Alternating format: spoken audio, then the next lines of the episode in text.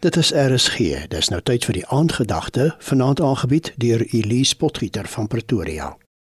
Voor God is iemand wat met geduld sy siel bestuur, beter as iemand wat 'n stad oorwin. Goeienaand luisteraars. Ons lewe deur die Heilige Gees. Laat die Heilige Gees dan nou ook ons gedrag bepaal. Die Heilige Gees se vrug is liefde, nederigheid, vreugde, vrede, getrouheid, geduld en selfbeheersing. En vanaand gaan ons 'n oomblik stil staan by die begrip geduld. Geduld is een van die belangrikste eienskappe in ons verhouding met God, want daardeur onderwerp ons die dringendheid van ons begeertes aan die wil van God, binne die tyd wat God daarvoor bepaal het. Ek het onlangs na 'n liedjie geluister en die woorde het my laat glimlag. Dit sê: God ons Vader is nooit te laat nie, nooit te vroeg nie, maar altyd betyds. En dis presies so. God verwag van ons om geduldig op sy tyd vir deurbrake te wag. As ons eerbiedig op God se wil vir ons wag, sal ons die seën wat God vir ons beplan ervaar binne God Almagtig se sensitiewe tydsberekening vir alles in ons lewe.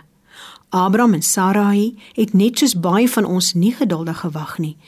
Toe God hom beloof het dat daar uit hom 'n nasie so groot soos die sand van die see en die sterre van die hemel gebore sou word, het Abraham en Sarai God nie geglo nie, maar het intussen hulle eie planne gemaak om God met die proses te help. Die res is geskiedenis.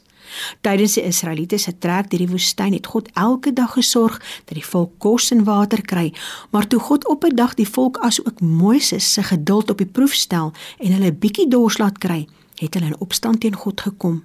Moeg, gefrustreerd, ongeduldig en sonder selfbeheersing het Moses die rots geslaan. Koning Dawid het alles gehad wat enige man begeer het, maar hy toegelaat dat sy emosies en sy gevoelens vir Batsheba die oorhand kry en in sy ongeduld om te kry wat hy wou hê, het dit 'n man se dood gekos en Dawid se straf was die dood van sy kind.